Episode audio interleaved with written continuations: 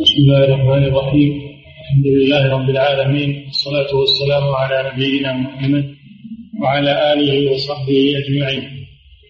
وبعد قال المؤلف رحمه الله تعالى باب ما جاء في حماية المصطفى صلى الله عليه وسلم جناب التوحيد وسده كل طريق يوصل إلى الشرك.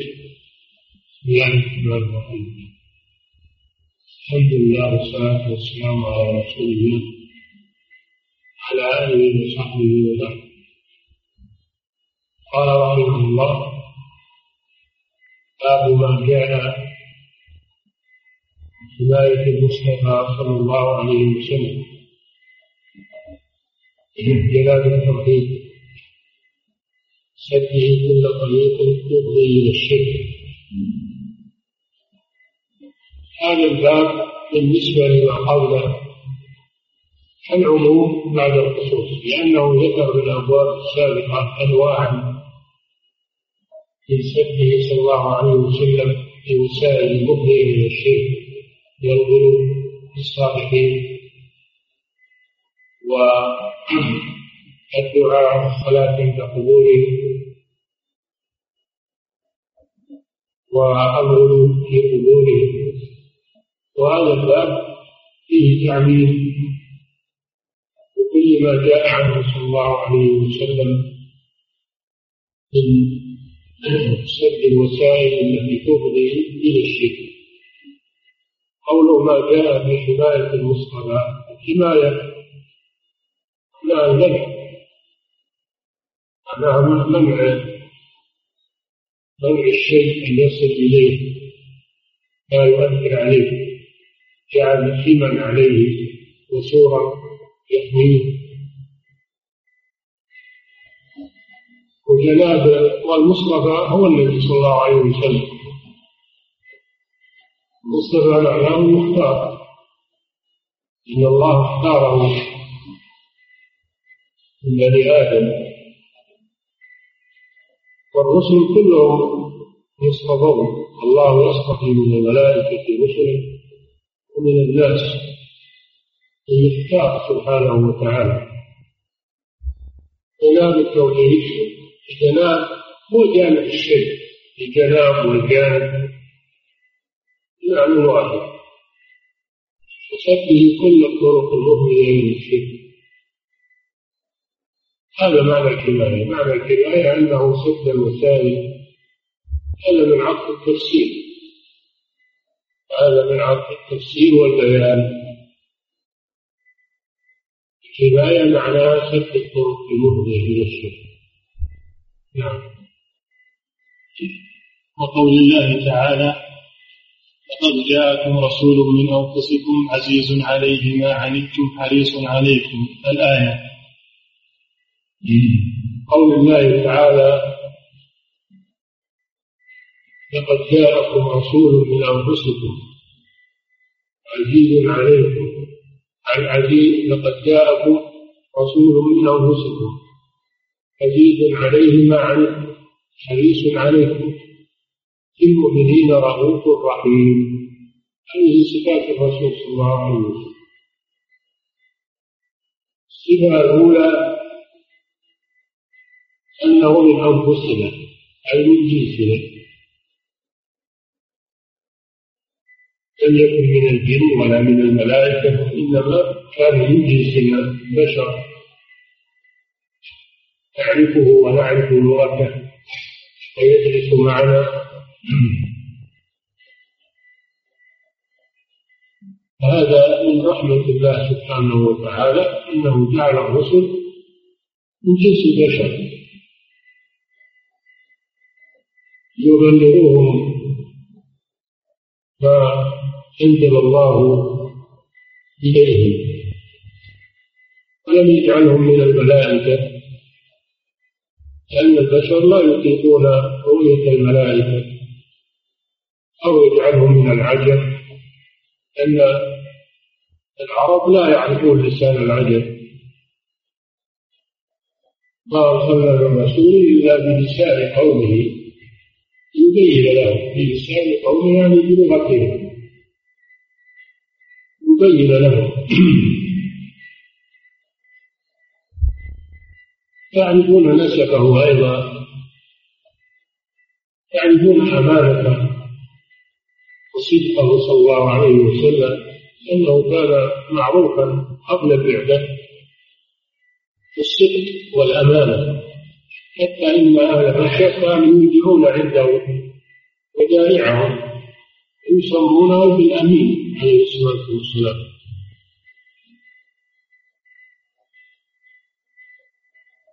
هذه الصفة الأولى من أنفسكم. في قراءة شاذة من أنفسكم يعني من خياركم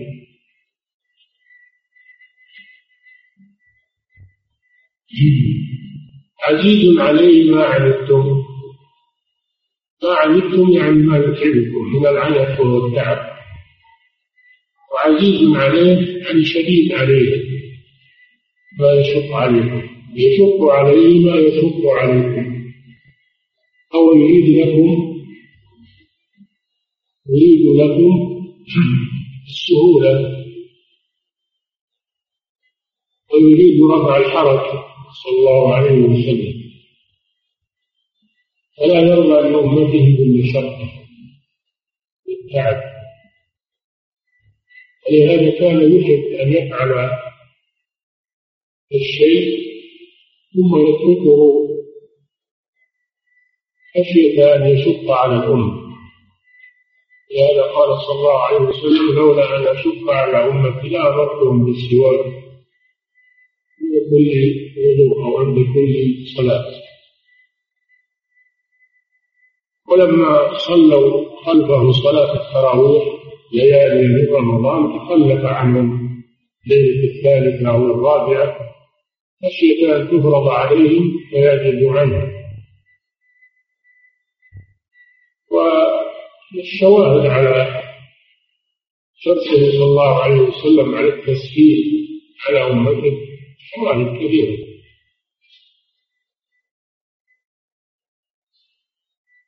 حريص عليكم حريص على ما ينفعكم حريص على هدايتكم حتى قال الله جل وعلا له لعلك باعث نفسك إلا يكونوا مؤمنين. فلعلك مهلك نفسك. من شدة الحرص عليهم. من شدة الحرص على إيمانهم. صلى الله عليه وسلم حريص على هداية الخلق. ولا يريد لهم الضلال من الكفر. كان يعرض نفسه للأخطاء. من أجل إنقاذ أمته من النار من الشرك والكفر. تعرض للأخطار عليه الصلاة والسلام. لتبليغ الرسالة. كما هو معروف من سيرته عليه الصلاة والسلام. للمؤمنين رؤوف رحيم. للمؤمنين خاصة. تصف نحوهم بالرحمة والرأفة يربط بهم ويشفق عليهم ويحنو عليهم عليه الصلاة والسلام. أما بالكفار فكان يغلب عليهم محمد رسول الله والذين معه أشداء على الكفار رحماء بينهم. سوف يأتي الله بقوم يحبهم ويحبونه أعزة على المؤمنين أذلة أذلة على المؤمنين أعزة على الكافرين. أذلة على المؤمنين. أعزة على الكافرين. مع المؤمنين يلينون ويرفقون بهم ويخضعون يخفضون لهم الجناح. أما مع الكفار فكانوا يشتكون عليهم لأنهم أعداء الله وأعداء الرسول صلى الله عليه وسلم ويجاهدون. يا أيها النبي الكفار والمنافقين واغلظوا عليهم.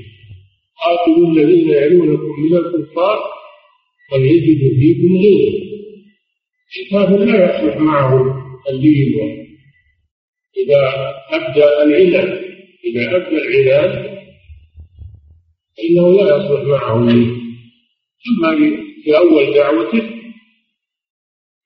لم يبدي العناد ولم يبدي الامتناع فإنه يدعى بالحكمة يدعى بالدين لعله يقبل. أما إذا ظهر من عدم القبول ولقد الدعوة ولم يقبل فلا تليق به لا يليق به الدين وإنما يليق به الشرك والظلم. فإذا كانت هذه الصفات الرسول صلى الله عليه وسلم؟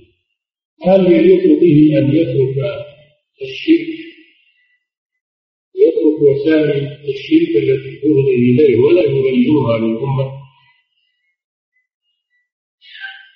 الذي هذه الصفات قد يليق به أن يترك الوسائل المفضية إلى الشرك ولا يشك هذا غير ذلك الرسول صلى الله عليه وسلم.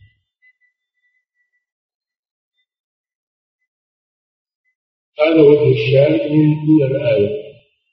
أنه إذا كان يتصف بهذه الصفات العظيمة فلا يليق به أن يتساهل في أمر الشرك وأن لا ينهى عنه ولا يبين ولا يمنع عن الأسباب التي تدري إليه.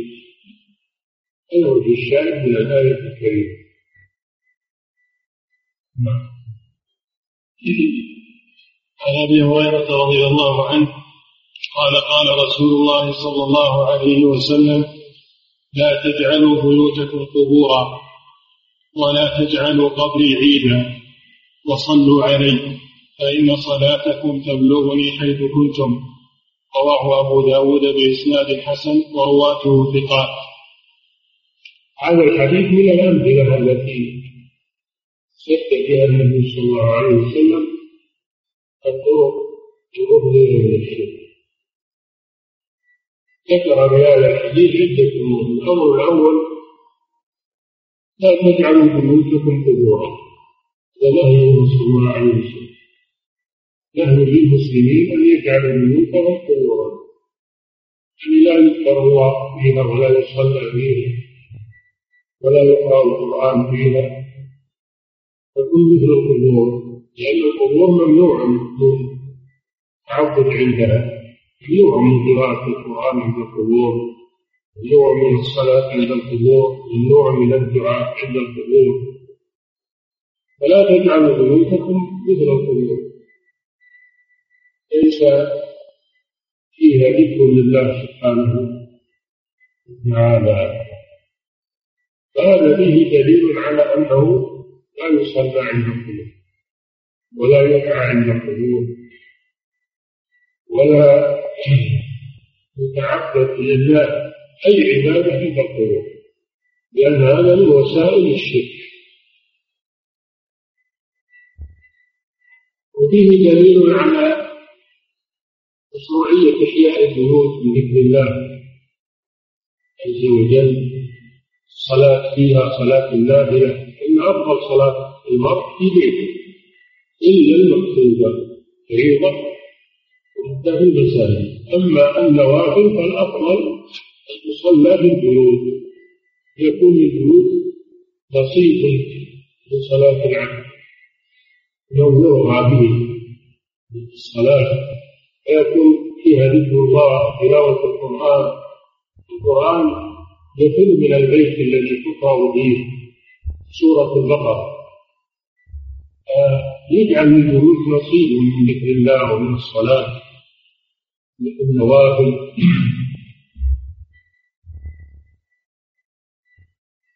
ولا تجعل البيوت مأوى للشياطين تعمل فيها المعاصي. ترتفع منها الأغاني وأصوات المجانين. وينسب فيها الدش الذي يجلب إليها. الأخلاق الفاضحة.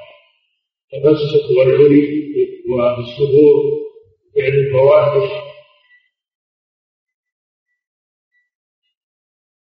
بيوت المسلمين لا تكون مثل بيوت الكفار.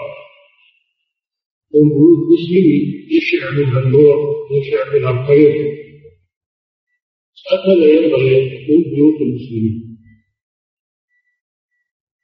لا تجعلوا بيوتكم. قبورا ولا تجعلوا قبري عيدا.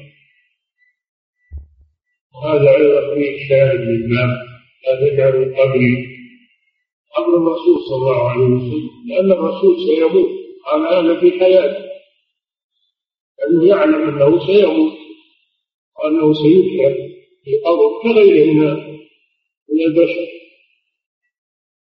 لكنه خاف على أمته أن يفعلوا عند قبره مثل ما تفعل الأمم. بقبور أنبيائها من الغلو ووسائل الشرك. ذلك لا تجعلوا قبري عيدا العيد اسم لما يعود ويتكرر يتكرر في اليوم أو في الأسبوع أو في السنة. مرة في اليوم صلاة الجماعة عيد المسلمين يقرر كل يوم يجتمعون يقرر كل أسبوع صلاة الجمعة. يجتمعون في مسجد واحد يقرر كل عام في مكة مشاعر شاعر الحج عند الكعبة. يقرر كل عام هذا العيد. هذا عيد مكاني. هذا العيد المكاني النبي صلى الله عليه وسلم نهى عن قبره عيدا مكانيا يجتمع عنده الناس للتقرب به صلى الله عليه وسلم والدعاء عنده الصلاة عنده فهذا فيه سده صلى الله عليه وسلم طريق المفضي إلى الشرك إذا كان هذا لا يفعل عند قبره صلى الله عليه وسلم كيف يفعل عند بقية القبور وقبور الأولياء الصالحين؟ تجعل محل للاعتكاف الجلوس عندها والإقامة عندها والعبادات عندها وجاء إنها تقبل عندها أكثر من غيرها. من الوسائل المؤذيه إلى الشرك ولهذا كان الصحابة رضي الله عنهم لا يترددون على قول الرسول صلى الله عليه وسلم؟ كل ما دخلوا ذهبوا إليه سلموا عليه وهو أحرص الناس على الخير وأحق الناس. الرسول صلى الله عليه وسلم يقول لهم اشد ما يحبون أنفسهم؟ وأولاده ما كانوا يترددون على القبر لعلمهم فهذا لا يجوز ولأن الرسول نهاهم عن ذلك. إنما كانوا يسلمون عليه إذا قدموا من حتى إن الإمام مالك رحمه الله يقول كان يكره أن يكون الإنسان يزور قبر النبي صلى الله عليه وسلم لأنه يميل زيارة قبره حديث خاص وإنما يزار قبره صلى الله عليه وسلم للعموم لعموم الأحاديث التي أمر النبي صلى الله عليه وسلم بها بزيارة القبور في العموم بل هو عليه الصلاة والسلام. أما أن في حديث خاص يأمر بزيارة قبر الرسول هذا ما في الأحاديث التي يرونها ويتناقلونها كلها باطلة. فتقوم بها الحجة كما يملك أمن يوم افترائه وإلا عندهم كتب مشهورة من الأحاديث حتى عن زيارة قبر الرسول وعلى سفر الليل وعلى وعلى كلها باطلة. تقوم بها ولم يروها الأئمة الحمد لله. وإنما يرويها القرآن. وأشباهه وقد ينسبونها إلى الأئمة. قد ينسبونها يجب أن تقبل وهم براء منها.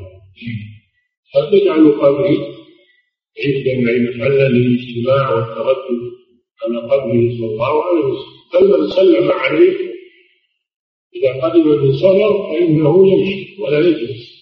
يسلم يمشي. إذا كان الصحابة يفعلون ذلك ما كانوا يجلسون عند قبر الرسول. وفي دكة الأغوات يسمونها. هي باطل هذا معصية للرسول صلى الله عليه وسلم. يجلس عند دكة الأغوات أو عند القبر. هذا معصية للرسول صلى الله عليه وسلم. قال لا تجعل القبر في محل اجتماع مرتاح ويتردد عليه.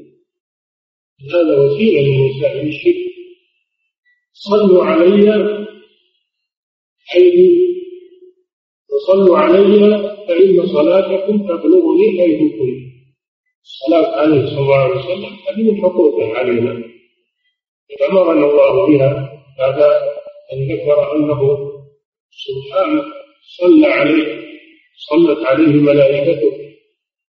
ثم أمرنا قال تعالى إن الله وملائكته يصلون على النبي. يصلون صيغة المضارع المتكرر يصلون على النبي صلى الله عليه وسلم. ما قال صلوا على النبي قال يصلون. بهذه التكرار يصلون على النبي. يا أيها الذين آمنوا صلوا عليه وسلموا تسليما. الصلاة والسلام على الرسول صلى الله عليه وسلم مشروعة وهي من حقوقه صلى الله عليه وسلم عليه. لكن ليس معنى ذلك إلا لنا بان القبر من الصلاة والسلام على الرسول صلي عليه في اي مكان من المشرق أو المغرب. وهذا يبلغه صلى الله عليه وسلم. بدون إن يتفق على قبره. كان تثبت إن الرسول يبلغ الصلاة والسلام هذا يحصل ولو لم تحصل المغرب وان في المسجد في اقصى الدنيا صل وسلم على الرسول ولك الاجر من صلى علي واحدة صلى الله عليه بها عشرة في اي مكان لا حاجة يقول بروح اصلي وسلم على الرسول عند قبره. إن الله أمرني بذلك. يا أيها الذين آمنوا صلوا عليه وسلموا. لا قال صلوا عليه وسلموا عند قبره. بل اطلق سبحانه وتعالى وبين الرسول صلى الله عليه وسلم هذا بين أنه لا خصوصية الصلاة والسلام عليه عند القبر بل إن هذا منهي عنه عند القبر صلي وسلم عليه في أي مكان هذا فيه مشروعية الصلاة على الرسول صلى الله عليه وسلم. قد تجد في بعض الأحيان في في خطبة الجمعة وفي بيت الاستسقاء تشهد الصلاة التشهد الأول والتشهد هي واجب عند ذكره صلى الله عليه وسلم. واجب وفيما عدا ذلك تكون مستحب. وكل صلاة تصليها على النبي فتكفيها عشر صلوات. وإن التسمت فهي ذلك. وكل صلاة تبلغ الرسول صلى الله عليه وسلم. هذا من أمور الفرض يعني كيف تبلغ الرسول؟ الله أعلم بذلك. فما تعرض عليه أعمال أمته. أمور البرزخ التي لا يعلمها إلا الله سبحانه وتعالى. الشاهد من هذا الحديث واضح. أن النبي صلى الله عليه وسلم نهى عن صفات قبره بعيدا ونهى عن عن جعل البيوت. مقابر دل على انه لا يجوز الصلاة عند المقابر كما دلت عليه الاحاديث في الابواب السابقه يدل على أن الصلاة والسلام على الرسول مشروعة وأنها تبلغ ممن صلى وسلم عليه في أي مكان ولا خصوصية الحضور عند قبره صلى الله عليه وسلم نعم. وعن علي بن الحسين أنه رأى رجلا يجيء إلى حركة كانت عند قبر النبي صلى الله عليه وسلم فيدخل فيها فيدعو فنهاه وقال ألا أحدثكم حديثا سمعته من أبي عن جدي عن رسول الله صلى الله عليه وسلم؟ قال لا تتخذوا قبري عيدا ولا بيوتكم قبورا وصلوا عليه فإن تسليمكم يبلغني أين كنتم رواه في المختارة نعم. هذا علي بن الحسين بن علي بن أبي طالب رضي الله عنه. يسمى زين العابدين وهو من أئمة التابعين. عن أبيه الحسين بن علي. عن جده علي بن أبي طالب. عن رسول الله صلى الله عليه وسلم. بيانه من سند عظيم. هذا من سند عظيم. عن علي بن العابدين عن الحسين بن علي بن أبي طالب ست الرسول صلى الله عليه وسلم. عن علي بن أبي طالب من المؤمنين. عن رسول الله صلى الله عليه وسلم. انظر كيف جاء هذا عن هذه السلسله المباركه الذين هم اقرب الناس إلى الرسول صلى الله عليه وسلم وكيف بلغوه للناس هذا من امانتهم رضي الله تعالى عنه من امانتهم كيفهم على الامه ان رسوله انه راى رجلا علي بن الحسين راى رجلا ياتي إلى برجا عند قبر النبي صلى الله عليه وسلم. ذكر الفتح عن سقوط الجدار فتح سقوط الجدار لأن لأن قول الرسول صلى الله عليه وسلم كان بقدرة عائشة رضي الله تعالى عنها. لأنه دفن في المكان الذي توفي فيه. توفي في بيت عائشة في لما كانت عائشة على قيد الحياة كان الباب مفتوحا كانت تدخل وتخرج إليها. لما ماتت رضي الله عنها لما ماتت سد الباب. سد الباب. وقضي خلالة لقبر النبي صلى الله عليه وسلم. لكن كان مهلك. في جدار وكان هذا الرجل الجاهل يأتي إلى هذه المهلك يدخل ويدعو عند قول الرسول صلى الله عليه وسلم لما رآه علي بن الحسين نهاه عن ذلك قال ألا أحدثكم حديثا عن أبي عن جدي عن رسول الله صلى الله عليه وسلم؟ له قال لا تجعلوا لا تجعلوا قد عيدا ولا تجعلوا قبورا. صلوا علي. هذا الحديث أبي هريرة. وفي الحديث يذكرها الله السابق لكن هذا فيه واقعة. هذا فيه واقعة خالدة حدثت حصل عندها وهو مثل حديث أبي لكن هذا فيه إنكار المنكر لأن علي بن الحسين أنكر على هذا الرجل. فيه إنكار المنكر لا الشرك. أو وسائل الشرك لأن الرجل ما عمل شركا. وإنما عمل وسيلة من وسائل الشرك وهي الدعاء عند قبر الرسول صلى الله عليه وسلم. وفيه أن الذي ينكر الشيء يذكر الدليل الذي يأمر بشيء أو ينكر شيئا يجب عليه أن يذكر الدليل لأن علي بن الحسين لما أنكر على هذا الرجل ذكر الدليل بسنده ذكر الدليل بسند على الرسول صلى الله عليه وسلم من علوم الاسلام فيه كما دل عليه حديث ابي هريره السابق في سد النساء المهديه اليه قوله باب ما جاء في حماية المصطفى صلى الله عليه وسلم جناب التوحيد سددي كل طريق يوصل إلى الشرك. قد تقدم فيما سلف من الأبواب قبل هذا. قوله قد تقدم من الأبواب الثلاثة التي سبقت سد النبي صلى الله عليه وسلم الوصول إلى الشرك. الحديث التي ذكرها المصنف في الأبواب السابقة. قوله وقول الله تعالى لقد جاءكم رسول من أنفسكم عزيز عليه ما عنتم حريص عليكم بالمؤمنين رؤوف رحيم. وجه الدلاله من الآية أنه صلى الله عليه وسلم يعز عليه كل ما يؤثم الأمة ويشق عليهم. كلما أنه صلى الله عليه وسلم يعز عليه كل يعز عليه ولم يفعل كل كل من العز وهو الصعود العز وهو الصعود إنه صلى الله عليه وسلم يحس عليه كل ما يؤثم الأمة ويشق عليه.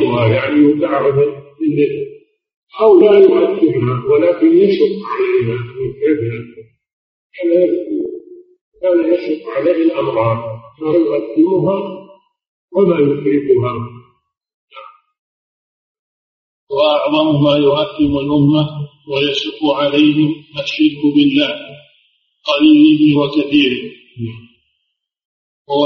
ووسائله وما يقرب منهم من كبائر الذنوب. وقد بالغ صلى الله عليه وسلم في النهي عن الشرك وأسبابه أعظم مبالغة كما لا يخفى. نعم بالغ النبي صلى الله عليه وسلم النهي عن الشرك والنهي عن أسبابه ووسائله المؤمنة إليه حماية للتوحيد حماية للتوحيد من أن يتفرق إليه الشرك. هذا يدل على العناية بالتوحيد وأنه يجب العناية به قيامه بالناس وقيام الوسائل التي تؤدي إلى الشرك. لأن بعض الناس اليوم يقول اتركوا المسلمين الناس كلهم على عقائدهم يكفي أنهم أنهم ينتسبون إلى الإسلام. وهم يتركوا التوحيد يتفرق بالناس وضبط الناس. هذا كلام باطل وان كانوا يرددونه انهم من الدعاة إلى الله يرددون هذا الكلام. هذا يتنافى مع الدعوة إلى الله. لأن أصل الإسلام وأصل أصل الدين هو التوحيد لأنه إذا عدل عنه فرق إليه الشرك وإن دعاة الضلال لا يسلكون ولا يكلون ولا يملون إذا حمل دعاة التوحيد وسكتوا تهاونوا بالأمر نشط دعاة الضلال. وما أكثرهم. إذا كان علماء التوحيد السيدين قائمين بالدعوة إلى الله وبيان التوحيد والنهي عن الشرك فإن أعداء الله ينهزمون. لأنه يبطل شره. كما يستقبل أمره فيعقبون أهل التوحيد علماء التوحيد. وثقتهم بالواقع ثقتهم بالناس. ليس أهل الضلال. لأن السارق إذا رأى مبلغ من الناس يتبع. يقول صرف أموال الناس. فإذا رأى الناس متيقظين آمنين فإنه يتبع يجب التنقل بهذا الأمر. وقد بلغ صلى الله عليه وسلم النهي عن الشرك وأسبابه أعظم مبالغة كما أعظم مبالغة كما لا يخفى. وقد كانت هذه حال أصحابه رضي الله عنهم في قطعهم الخيوط التي رقي للمريض فيها. وما مركم بالجحة والعزائم وجيد بن اليمان قطع السيف الذي رآه على الرجل. النبي صلى الله عليه وسلم لما رأى أيضا قال لا هذا قال من الأمة. قال امسكها قال ابن الوهن قال ارجعها فإنك إنها لا تزيدك إلا وهنا فلو مت وهن عليك ما أفلحت أبدا. وإذا ابن الإمام يقول من قطع تميمة بالنساء كأنما أعتق رقبة وابن مسعود رضي الله عنه أيضا لما قطع التميمة قال وما يؤمن أكثرهم بالله إلا وهم مشركون. سبق هذا. من الصحابة أنهم عرفوا هذا من الرسول. صلى الله عليه وسلم. بقطعهم القلوب التي رقي للمريض فيها ونحو ذلك من تعليق التمائم التمائم التي تعلق على الأولاد. سواء كانت من القرآن أو من غيره. فلا يجوز تعليقها إنها وسيلة من الشرك قوله عن أبي هريرة رضي الله عنه قال قال رسول الله صلى الله عليه وسلم لا تجعلوا بيوتكم قبورا ولا تجعلوا قبري عيدا وصلوا عليه فإن صلاتكم تبلغني حيث كنتم. رواه أبو داود بإسناد حسن ورواته ثقات قال الحافظ محمد بن عبد الهادي هو حديث حسن جيد الإسناد وله شواهد يرتقي بها إلى درجة الصحة.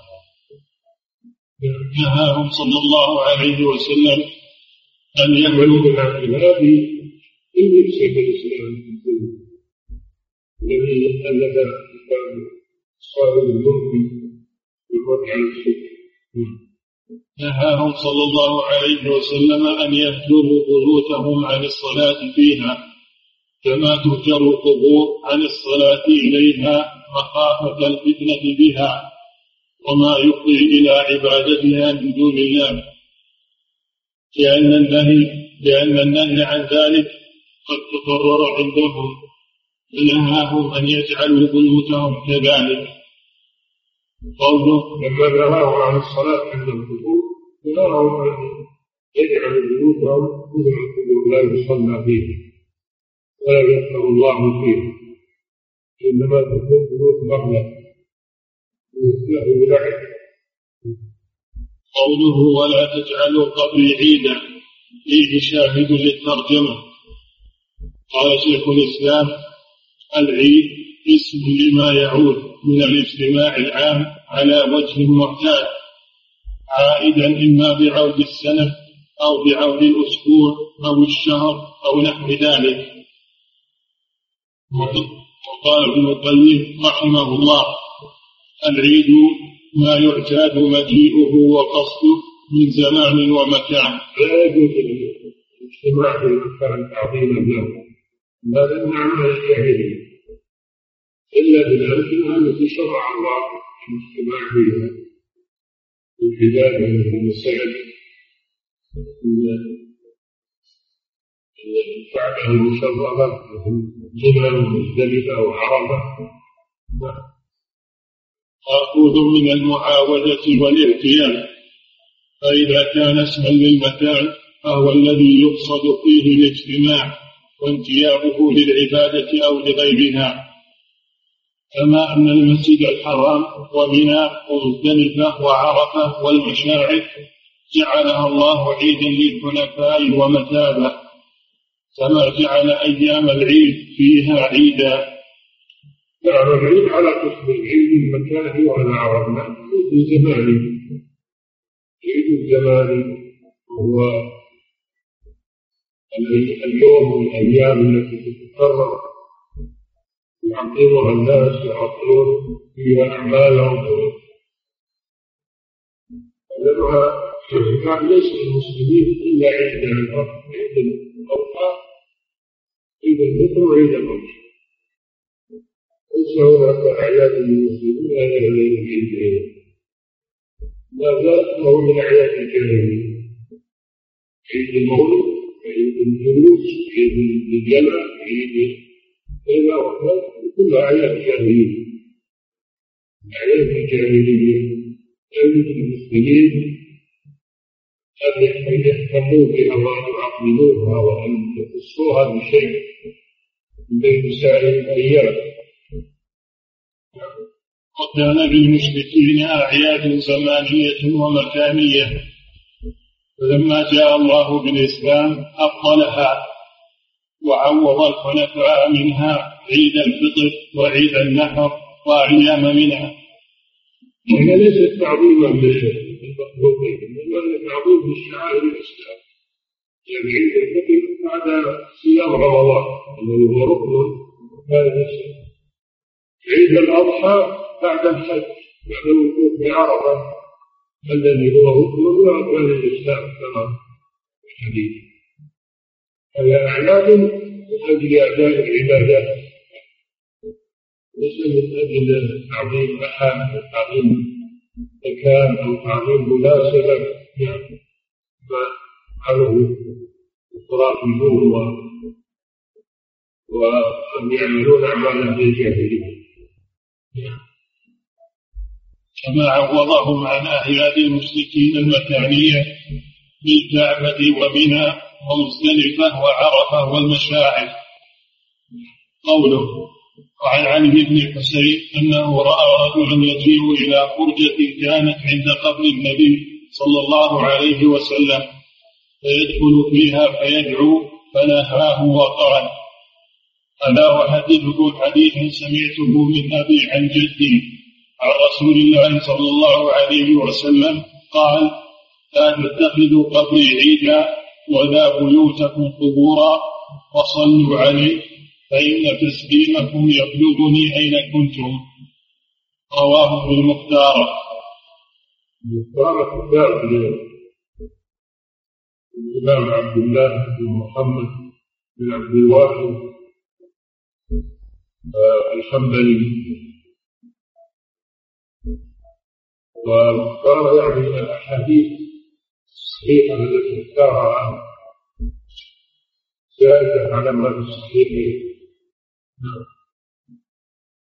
هذا الحديث رواه أبو يعلى والقاضي إسماعيل والحافظ الضياء في المختارة.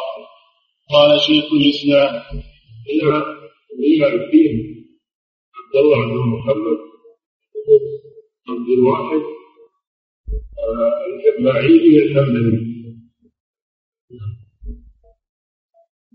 قال شيخ الإسلام فانظر هذه السنة كيف مخرجها من أهل البيت كيف مخرجها من أهل المدينة وأهل البيت. الذين لهم من رسول الله صلى الله عليه وسلم قرب النسب وقرب الدار لأنه إلى ذلك أحوج من غيرهم. فكانوا له أفضل. انتهى قوله عن إذا ينتسب الشيعة أو يمسكون أنفسهم بهم ويعظمون قبورهم ويجدون عليها المشاهد. انظر إلى هذا الحديث الذي جاء عن البيت. هذا في رد على الشيعة هذه انهم كذا وانهم سادتكم السوق هم انكروا عليكم هذا الشيء هذا حجه عليهم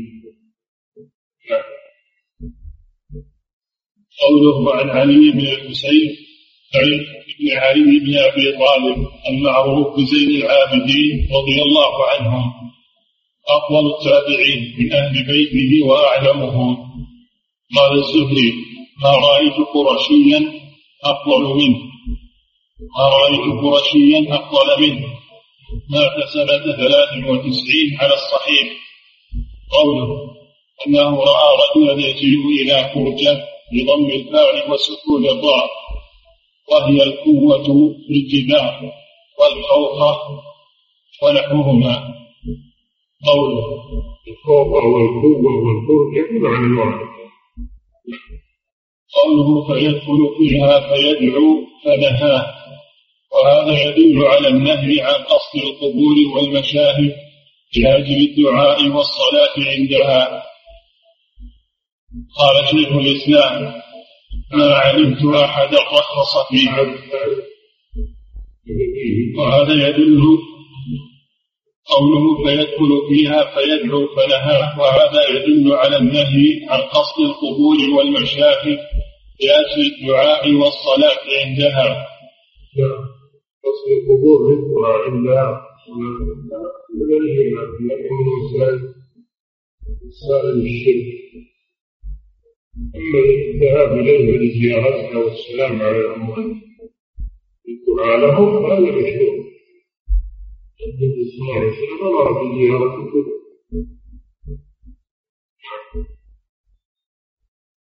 هذا يدل على النهي عن قصد القبور والمشاهد لأجل الدعاء والصلاة عندها المشاهد المشاهد هي الأضرحة المشاهد هي الأضرحة يدلونها على القبور مشهد الحسين ومشهد مشهد كربلاء ومشهد يسمونها مشاهد قال يسمونها مقامات. يسمونه الشارع يسمونه المقامات يسمونه المساجد قال شيخ الإسلام ما علمت أحدا رخص فيه. لأن من أهل العلم ما علم احد من أهل العلم المعتبرين رخص في تعبد عند القبور والاجتماع عند القبور نعم هذا معناه الاجماع صلاه الشيخ هذا معناه حكايه الاجماع علماء الأمة المعتد بهم ما منهم أحد رأى الشيء قال شيخ الإسلام ما علمت أحدا رخص فيه؟ لأن ذلك نوع من اتخاذه عيدا. ويدل أيضا على أن قصد القبر للسلام إذا دخل المسجد ليصلي منهي عنه. يعني كل دخل المسجد ليصلي مسجد الرسول صلى الله عليه وسلم. سواء كان من أهل المدينة أو من المقيمين فيها. ليس لا يشرع لهم كل ما يدري يصلي وهو يصلي إنما هذا في أول وقت حينما يقبل السفر لأن ذلك لم يشرع وكره مالك بأهل المدينة كلما دخل إنسان للمسجد أن يأتي قبر النبي صلى الله عليه وسلم لأن السلف لم يكونوا يفعلون ذلك. قال ولن يصلح آخر هذه الأمة إلا ما أصلح أولها. هذا الكلام الإمام لا يصلح آخر هذه الأمة إلا ما أصلح إذا كان أولهم لم يكونوا يفعلون هذا عند قبر النبي صلى الله عليه وسلم. لا يصلح عقل هذه الأمة إلا ما أصلح أولا لا يجوز لترك الأمة أن يعملوا هذا الشيء. بدعوى أنهم يحبون الرسول صلى الله عليه وسلم. حب الرسول ما يجوز لكن حبه يقبل اتباع صلى الله عليه وسلم والاقتداء به. لا مخالفة الابتداع في دينه إن هذا لا يدل على حبه مخالفته والابتداع في دين لا يدل على حب الرسول صلى الله عليه وسلم الذي يدل على حبه هو اتباعه والابتداء به كان الصحابة والتابعون رضي الله عنهم يأتون إلى مسجد النبي صلى الله عليه وسلم فيصلون. فإذا قضوا الصلاة قعدوا وخرجوا. قعدوا في مكانهم طلب علم أو ذكر الله عز وجل في المسجد. يقعدون من المسجد. كل يجلس في مصلاه لا يذهبوا إلى القبر. نعم. فإذا قضوا الصلاة قعدوا وخرجوا. يعني منهم من يقعد ومنهم من يخرج نعم. ولم يكونوا يأتون القبر بالسلام لعلمهم أن الصلاة والسلام عليه في الصلاة أكمل وأفضل. نعم. يصلون على الرسول يسلمون عليه في الصلاة فريضة نافلة يصلون عليه في أي مكان. ولا يختص هذا بالمجيء إلى قبره لأن المجيء إلى قبره يؤول إلى الشرك الوسائل الشرك نعم. وأما دخولهم عند قبره للصلاة والسلام عليه هناك أو للصلاة والدعاء فلم يشرعه لهم بل نهاهم عنه في قوله لا تتخذوا قبري عيدا وصلوا عليه فإن صلاته فإن صلاتكم تبلغني فبين أن الصلاة تصل إليه من بعد وكذلك السلام. ولعن من اتخذ قبور الأنبياء مساجد وكانت الحجرة في زمانهم يدخل إليها من الباب لما كانت عائشة رضي الله تعالى عنها فيها وبعد ذلك إلى أن بني الحائط الآخر وهم مع ذلك التمكن من الوصول إلى قبره لا يدخلون إليه لا لسلام ولا لصلاة ولا لدعاء لأنفسهم ولا لغيرهم. مع أن الباب مفتوح يعني عبد عائشة. كان الباب على حال مفتوح. لم يكونوا يذهبون إليه. علمهم أن هذا لا ولا لسؤال عن حديث أو علم. ولا كان الشيطان يطلع له. الرسول يعني من دون عائشة يسألون من دون عائشة يسألون عن ما أسأل عليهم عن الأحاديث إنما يكون يسألون الرسول في قبل ما كانوا يسألون الرسول علم من هذا لا يجوز ولا كان الشيطان يطمع فيهم حتى يسمع حتى يسمعهم كلاما أو سلاما. إيه، لأن الشيطان تسلط على المتأخرين الخرافيين قال تصور لهم تصور لهم صوره الملك يكلمهم كلام هو الملك خرج من قبله هذا عند الخرافيين والمتحولين يدعون إن ان الملك يخرج إليهم ويكلمهم صور له ويقولون هذه روح الملك أو ان الملك خرج من قبله هو في حقيقة الشيطان الشيطان تصور له. سلمهم على لسان الملك لأجل اذلالهم ولأجل اغراءهم وكانهم يقولون إن الرفاعي لما سلم على الرسول. أخرج الرسول صلى الله عليه وسلم يده من القبر وصافح الرفاعي هذا من الكذب المفترى الرسول صلى الله عليه وسلم ما أخرج يده لأبي بكر وعمر وعثمان وعلي والخلفاء والصحابة. كيف يخرجها للرفاعي الخرافي هذا من الكذب المطروح نعم. لكن هم قصدهم الدعاية لهذا المذهب الخبيث نعم. ولا كان الشيطان يطمع فيهم حتى يسمعهم كلاما أو سلاما فيظنون أنه هو كلمهم وافتاهم وبين لهم الأحاديث وأنه قد رد عليهم السلام بصوت يسمع من خارج. كما طمع الشيطان في غيرهم فأظلهم عند قبره وقبر الشيطان ما فعل هذا في وقت الصحابة. ولا في عهد التابعين ولا في عهد القرون المفضلة بعلمهم أن هذا باطل. ما صنع الشيطان هذا؟ لأنه لو صنع ردوا عليه وابطلوا لما جاء المتاخرون تسلط عليهم الشيطان وصدقوه. وظنوا أن هذا هو الذي طلع من قبره أو الروح تشكلت أو النار أو يكلمهم هو الشيطان. صدقوه لجهلهم. وبعدهم عن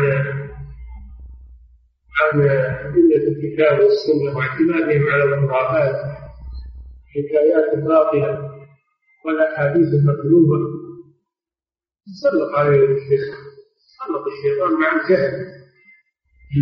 نعم.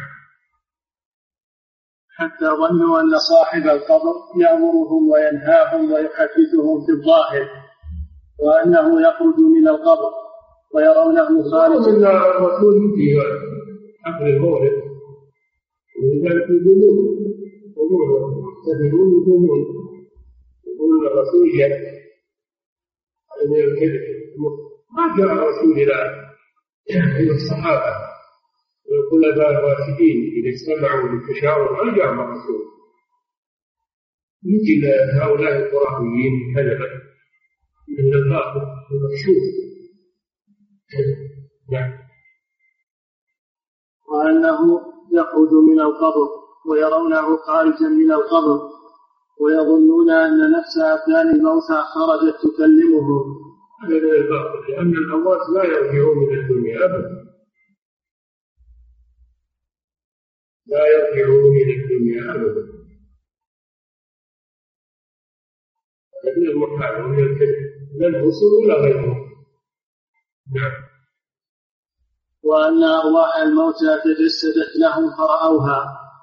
والمقصود أن الصحابة رضوان الله عليهم لم يكونوا يعتادون الصلاة والسلام عليه عند قبره كما كان يفعل من بعدهم من الخلوف قال سعيد بن منصور في سننه.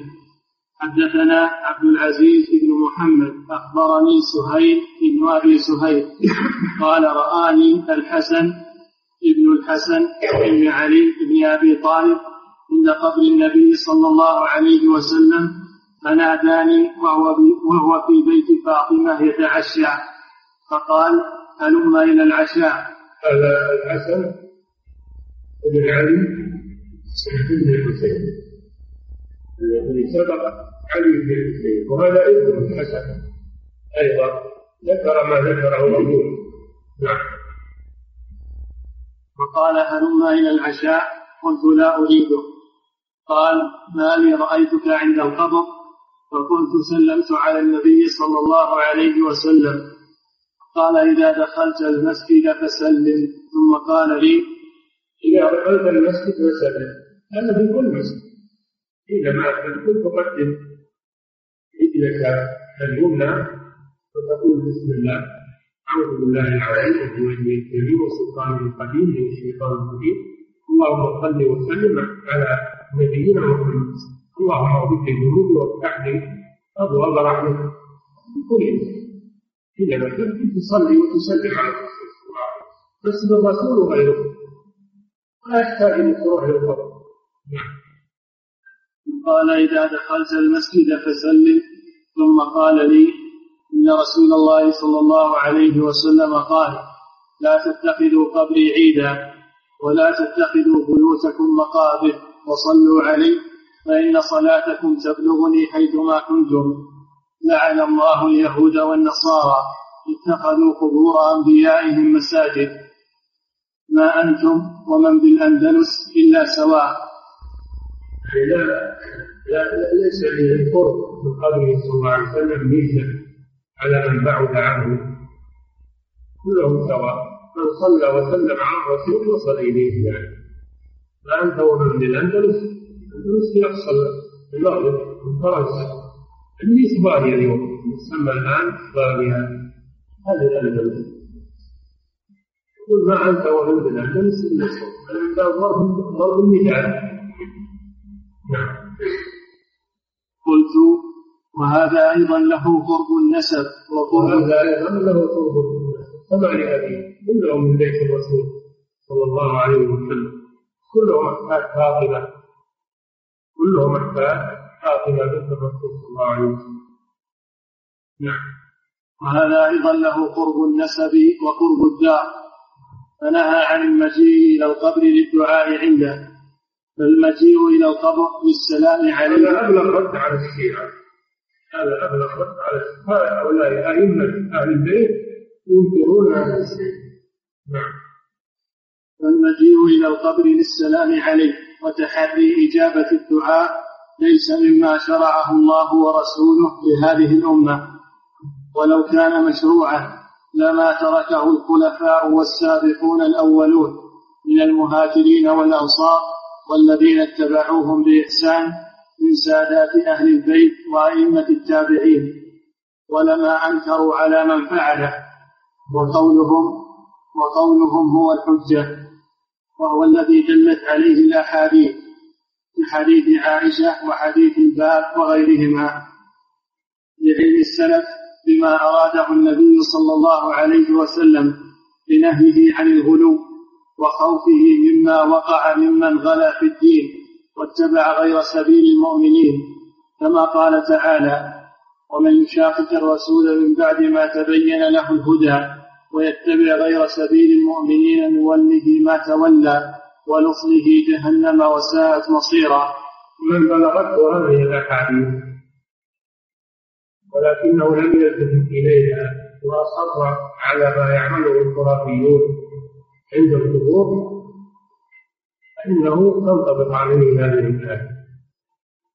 من يشاقق الرسول من بعد ما تبين له الهدى ويتبع غير سبيل المؤمنين نوله ما تولى ونصفه جهنم وساءت مصيرا يقرا الإنسان بنفسه عند كون ثلاثة من يشاقق الرسول هذا شاق الرسول صلى الله عليه وسلم بعد ما تبين له الهدى قامت عليه الحجة بين له الهدى بقلوب هذه الأحاديث وأمثالها إليه صحيحة مسندة إلى رسول الله صلى الله عليه وسلم خصوصا هذه الأحاديث عن أهل البيت أهل بيت الرسول صلى الله عليه وسلم سلسلة ذهبية تتلألأ بالنور كلها تنهى عن هذا فمن بلغته هذه الأحاديث وأصر على ما عليه الخرافيون والقبوريون قد ساق الرسول صلى الله عليه وسلم. بعدما قامت عليه الحجة وتبين له الهدى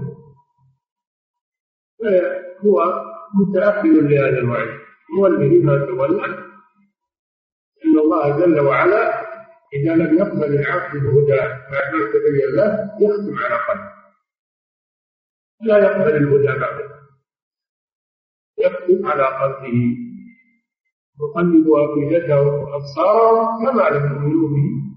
أول مرة فذرهم في طغيانهم يعمهون فلما جاءوا أزاغ الله قلوبهم هؤلاء القوم الظالمون فيخشى على من بلغه. الحجة وقام عليه الجميل ولم ينتبه أن يصاب في قلبه. في الزيت والضلال. يحذر الذين يخالفون عن أمره. يصيبه فتنة أو يصيبه عذاب أليم. نعم. ولما حدث الشرك بأرباب القبور في هذه الأمة وتعظيمها وعبادتها صارت تشد الرحال إليها. لقصد دعائها والاستغاثة بها. لم يكتفوا بالدعاء عندها بل صاروا يدعونها. وهذا ما يعود إليه الوسائل تؤول إلى هذا. وبذل نفيس المال تقربا إليها وتعظيم سجنتها فيا لها فيا لها مصيبة ما أعظمها. نسأل الله السلامة من هذا الشرك وما يقرب منه أو يوصل إليه. نعم. يقولون بيد الله ونحن لا نأمن على أنفسنا أن نخاف الإنسان يحذر ويخاف إبراهيم عليه السلام يقول وجنوبني وبني أن نعبد الأصنام ربي إنهن أضللن كثيرا من الناس. خاف على نفسه. كيف لا نخاف على أنفسنا؟ أن نصاب مما أصيب به علينا أن نحذر ونخاف وأن نتعلم التوحيد. ونتعلم أمور الشرك ووسائل الشرك حتى نتجنبها ونحذر ونحذر منه. أما الذي يجهل الشيء فإنه لا لا يعرفه. وكيف يتجنبه ولا يعرفه؟ بل إن إنه قد ينطلي عليه أنه شيء حسن شيء طيب عبادة لله والتقرب إلى الله وإلى آخره محبة للصالحين محبة للرسول إلى آخر ما يموهون به ثم ينخدع الإنسان. إذا كان على جهل ينخدع بهذه الأمور. لا سيما إذا رأى كثرة الناس على هذا الشيء لا يخلص الإنسان إلا الكتاب والسنة. الرجوع إلى الكتاب والسنة. بنية صادقة والذي يخلص الإنسان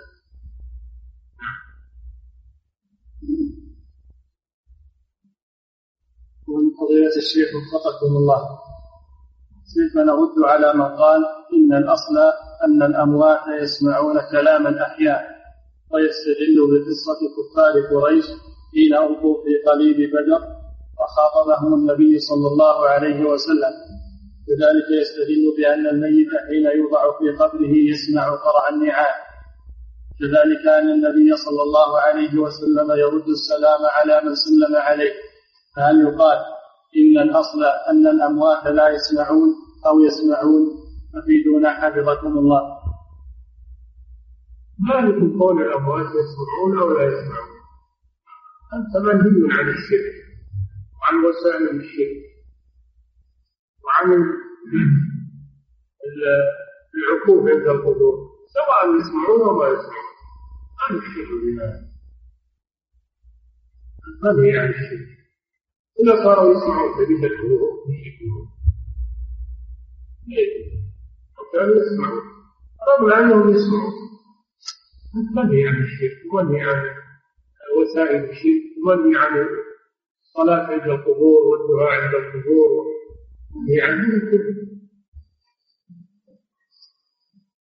مع أن الأحوال التي ذكرت. قتل بدر وكون الميت يسمع قرع النعال. هذه أحوال خاصة ما هي عامة في أوقات محددة. وقتل بدر على خاص بالرسول صلى الله عليه وسلم. هذه المعجزات عليه الصلاة والسلام. مو عام مع كل ميت وكونه يسمع هذا عند يعني عندما يوضع أول ما يوضع في قبره مو دائما إنه يسمع. ما في دليل على إنه دائما يسمع. هذه حالة خاصة. ولكن كما ذكرت أول لو ثبت أنهم يسمعون ننهي عن عن الدعاء عندهم وعن سؤالهم وعن الصحابة هم راحوا قبر الرسول صلى الله عليه وسلم. لما حصلت مشكلات عظيمة في وقتهم ما ذهبوا إلى قبر الرسول يسألون؟ يفتيهم كانوا يجتمعون ويتشاورون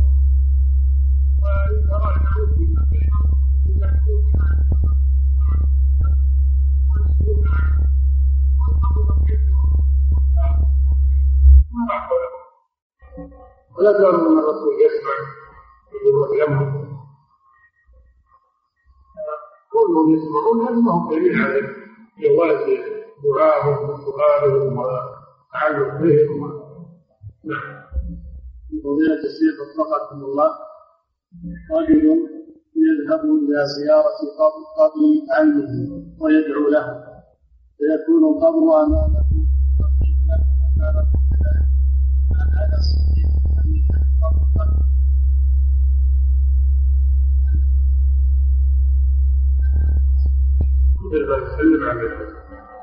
تسلم على ما تسلم تسلم عليه ويستقبل عند السلام اما عند الدعاء يستقبل اذا كان اجتمع انه يستقبل القبله ويستقبل وجه منه اما اذا كان القبر في جهه معاكسه للقبله انك تستقبل القبله عند الدعاء الدعاء تستقبل القبله وعند السلام تستقبل الميت نعم فضيلة الشيخ وفقكم الله.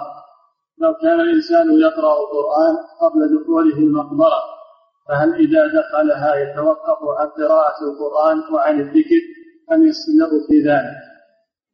نعم. لا يقرأ القرآن بالمقبرة لا يقرأه بالمقبرة خشية أن يستدعى به يقول للناس يسمع قراءة القرآن بالمقبرة يسمع أحد يقول إن هذا مشروع أما إذا قرأ القرآن بينه وبين نفسه ولم يعتقد أن هذا مشروع في المقبرة يستمر على القراءة. بينه وبين نفسه ولا يسمع أحد فالأمر في هذا السبب لكن إذا رضع صوته الناس لا يدرون يحسبون هذا مشروع في المقبرة ويقتدون به نعم. فضيلة الشيخ وفقكم الله إذا دخلت المسجد النبوي من جهة قبر النبي صلى الله عليه وسلم هل الصلاة والسلام عليه تكون واجبة في هذه الحالة؟ لا. ولكن دخول المسجد يستحب.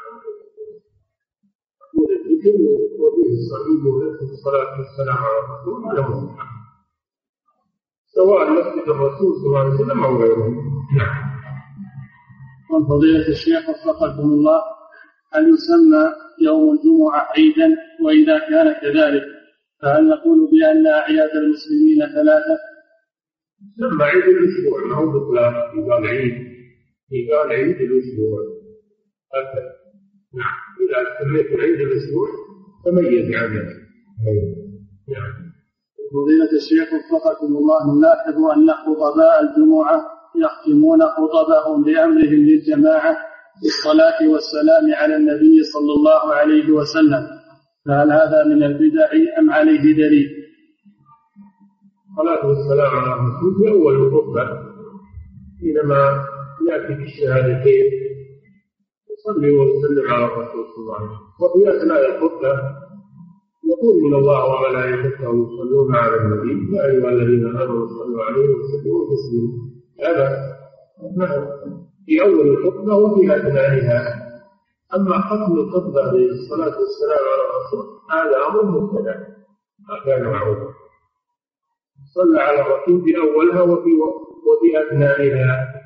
ويذكرهم بالآية إن الله وملائكته أما أن يختم الخطبة المعروف أنه تختم بآية من القرآن. الخطبة الأولى بآية من القرآن. والثانية تكتب بقوله إن الله يأمر بالعدل والإحسان. والآية من القرآن أيضا. جامعة شاملة نعم. معهم أنهم يكتبون الخطب الصلاة والسلام على صلى الله وسلم. هذا أمر هذا في هذا الزمان؟ نعم. يقول فضيلة الشيخ وفقكم الله ما موقفنا ما موقفنا تجاه من نراه لمسجد النبي صلى الله عليه وسلم. وهو متجه في دعائه إلى قبر النبي عليه الصلاه والسلام. ولو اتجه إلى القبله اذا اردت ان تدعو اتجه إلى القبله ولا يكون عند القبر في المسجد في مسجد الرسول صلى الله عليه وسلم توجه إلى القبله ودعا بما تيسر بما أمر اما القبر ما هو موضع دعاء سجل له هذا نبه أيضا للحرس اللي عند الحجره نبههم على هذا الشيء نعم. علشان أنهم يعلمون الناس نعم. فضيلة الشيخ وفقكم الله. إذا إذا بني مسجد في القرب من المقبرة أمام أمام إذا بني مسجد بالقرب من المقبرة على اتجاه القبلة على مسافة ثلاثين أو أربعين مترا فهل يجوز الصلاة في هذا المسجد؟ نعم. هذا المسجد؟ خارج المقبرة يكون بين فاصل شارع ولا أرض فضاء بين شارع ولا أرض فضاء ما لا علاقة للمسجد بالمقبرة مقصود عنه بعيد عنه فضيلة الشيخ وفقكم الله عن زيارة المساجد السبعة في المدينة المنورة يعتبر من الوسائل المفضية للشرك؟ نعم في المدينة مسجد إلا مسجد مسجد الرسول صلى الله عليه وسلم ومسجد قباء أما بقية المساجد فليس غيرها لا تقصد للزيارة ولا للصلاة فيها مثل غيرها. إن حضرت الصلاة فيها صل فيها أو تساكن عندها أو مريت بها صل أما أن تقصدها للصلاة فيها هذا إلا مسجد الرسول صلى الله عليه وسلم ومسجد قباء فقط. نعم. يقول فضيلة الشيخ وفقكم الله هل كل الأعمال تعرض على النبي صلى الله عليه وسلم أم الصلاة والسلام عليه فقط؟ لا كل الأعمال قال كل الأعمال تعرض عليه نعم. فضيلة الشيخ وفقكم الله الشيطان ينفر من البيت الذي تقرأ فيه سورة البقرة. هذا الأمر هل يحصل بتسعيد شريط فيه هذه السورة؟ لا لأن القراءة عبادة القراءة عبادة لا بد أن تكون من مؤمن يقرأها أما الشريط هذا آلة ما هو؟ ما هو؟ هذا آلة. حادثة الصوت ولا يحتاج إلى المقصود. لكن شغله تستمع للتحديد وتعلم دار أما أن تخليه بدون مقام الذكر يعني لو سجل فيها الذكر الصباح والمساء يكفي هذا عبادة لازم تقولها أنت تعملها أنت يكفي عن السبيل نعم. من فضيلة الشيخ وفقكم الله. زيارة البيت المزعوم لأن النبي صلى الله عليه وسلم قد ولد فيه. والموجود بقرب البيت الحرام هل يعتبر تعتبر زيارته من الغلو؟ ولماذا لا يزال؟ نعم هو ما هو صحيح.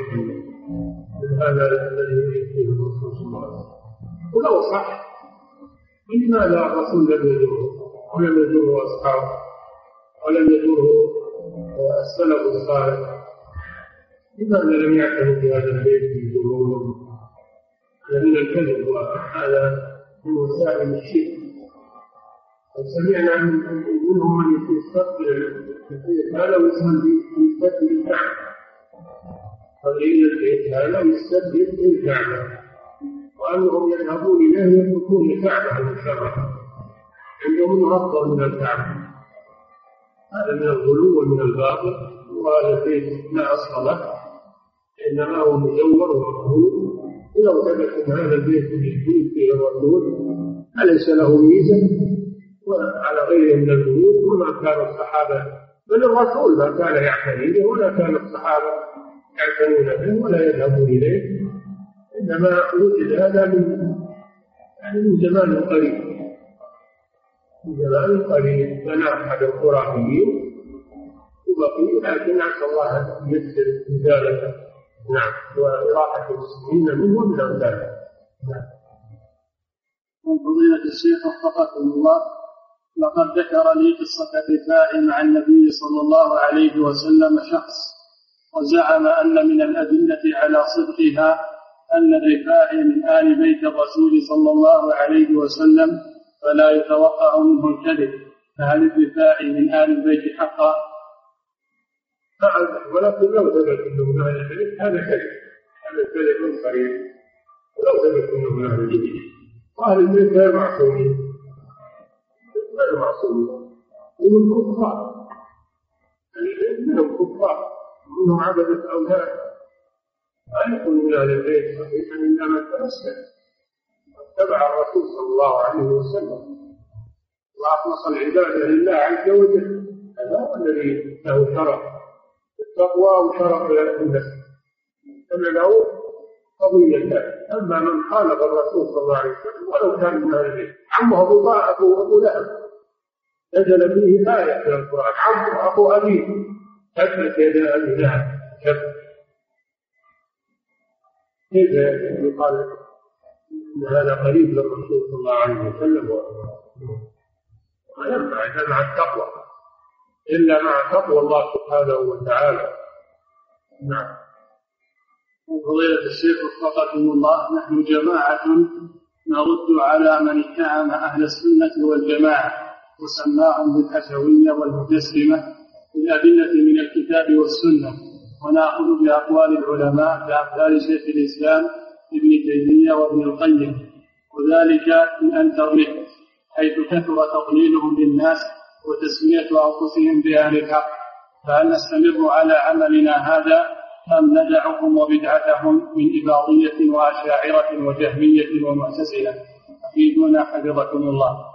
هذا عمل جميل وعمل طيب جزاكم الله خيرا استمروا عليه ولكن توثقوا لا تكتبون أو تنكرون من الشيء موثق صحيح.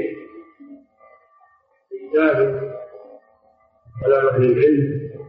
أو من الأحاديث والآيات والأحاديث عليكم بالتحري والتوثق والدقه في بدء الشروط وهذا عمل جديد وأنتم متابون عليه إن شاء الله. نعم. فضيلة الشيخ وفقكم الله من قال؟ اللهم إني أسألك بجاه نبيك. هل هذا القول شرك أم بدعة؟ هذا بدعة هذا بدعة. توسل بالجاه. المفروض أن تدعو الله بدون توسل بجاه ولا بحق أحد ولا بذات أحد. هذا بدعة في الدعاء وتدعو الله بدون ذكر الجاه هذا شيء لم يرد. العبادات توحيدية. لا يفعل فيها إلا ما ثبت في كتاب الله رسولا لرسوله صلى الله عليه وسلم. وأن الجاه ما ثبت لا في كتاب الله ولا سنة رسول الله صلى الله عليه وسلم. حديث توسلوا بجاهي فإن جاهي عند الله عظيم هذا مكتوب نبه عليه شيخ الإسلام ابن تيمية في كتاب التوسل هذا هو حديث مطلوب ليس في شيء من كتب الحديث. نعم. فضيلة الشيخ وفقكم الله. هل يجوز للرجل أن يجعل له يوما يحتفل به كل سنة؟ مثل أن يحتفل بيوم تخرجه وما وجه التحريم في ذلك إن كان حراما. لا يجوز هذا هذا يوم تعظيم يوم يوم تخرج كل يوم ولادة كل يوم. هذا من فعل المتبعة وفعل الجاهلية أنت مسلم لكن يعتبرون ما تفعله أنه مشروع أنك مسلم. يأخذونه على أنه عبادة ويخلدون مثل هذا. لا يجوز هذا العمل الله تعالى أعلم وصلى الله وسلم على نبينا محمد وعلى آله وصحبه أجمعين.